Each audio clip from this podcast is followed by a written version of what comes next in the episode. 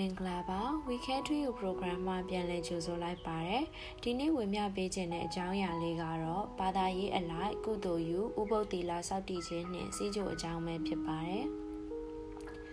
မြန်မာနိုင်ငံတွင်အများစုမှာဗုဒ္ဓဘာသာဝင်များဖြစ်သည့်အလျောက်ဝါရင်းကာလများလာပြည့်နေ့များအခါကြီးရကြီးများတွင် လူလက်ပိုင်းများနှင့်လူကြီးပိုင်းအများစုသည်သီလခံယူကဥပုပ်စောက်တည်ကြပါသည်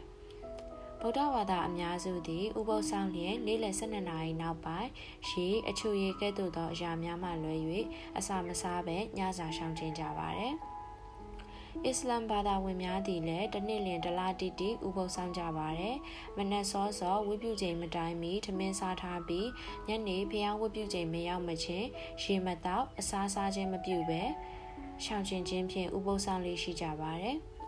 ယောဂအခက်မရှိသောတာမန်လူများတွင်ဥပုသ်ဆောက်တည်အစားရှောင်ခြင်းသည်မခက်ခဲလာတော့လဲစီးကြိုသွေးကြိုကဲ့သို့သောယောဂအခက်ရှိသူများအဖို့ဥပုသ်တီလာဆောက်တည်ရန်အနေရရှိပါတယ်။ဘာကြောင့်လဲဆိုတော့အချိန်နဲ့အစာမစားလျင် hypoglycemia ခေါ်သွေးတွင်းအချိုတဲ့ကျဆင်းခြင်းကဲ့သို့အသက်အန္တရာယ်ရှိသောအခြေအနေအချိန်မီ၍ဖြစ်ပေါ်လာတတ်ပါတယ်။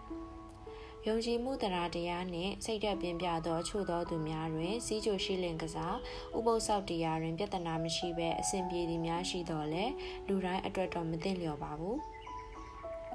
လူကြီးမင်းသည်၃လတစ်ကြိမ်စစ်လေးရှိသော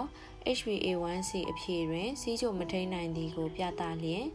နေ့စဉ်ဖောက်စစ်လေးရှိသောသွေးတွင်းတကြားတဲ့အဖြေများမြင့်တက်နေလျင်အင်ဆူလင်ထိုးနေရသူဖြစ်လျင်အသက်အရွယ်ကြီးနေသူဖြစ်လျင်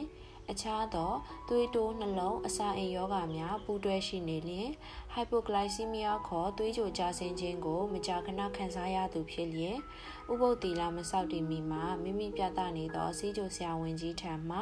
ဥစွာအကြံပြုချက်ရယူကဆရာဝန်ညွှန်ကြားချက်အတိုင်းသာလိုက်နာဆောင်ရွက်သင့်ပါကြောင်းအကြံပြုလိုက်ရပါတယ်ရှင်။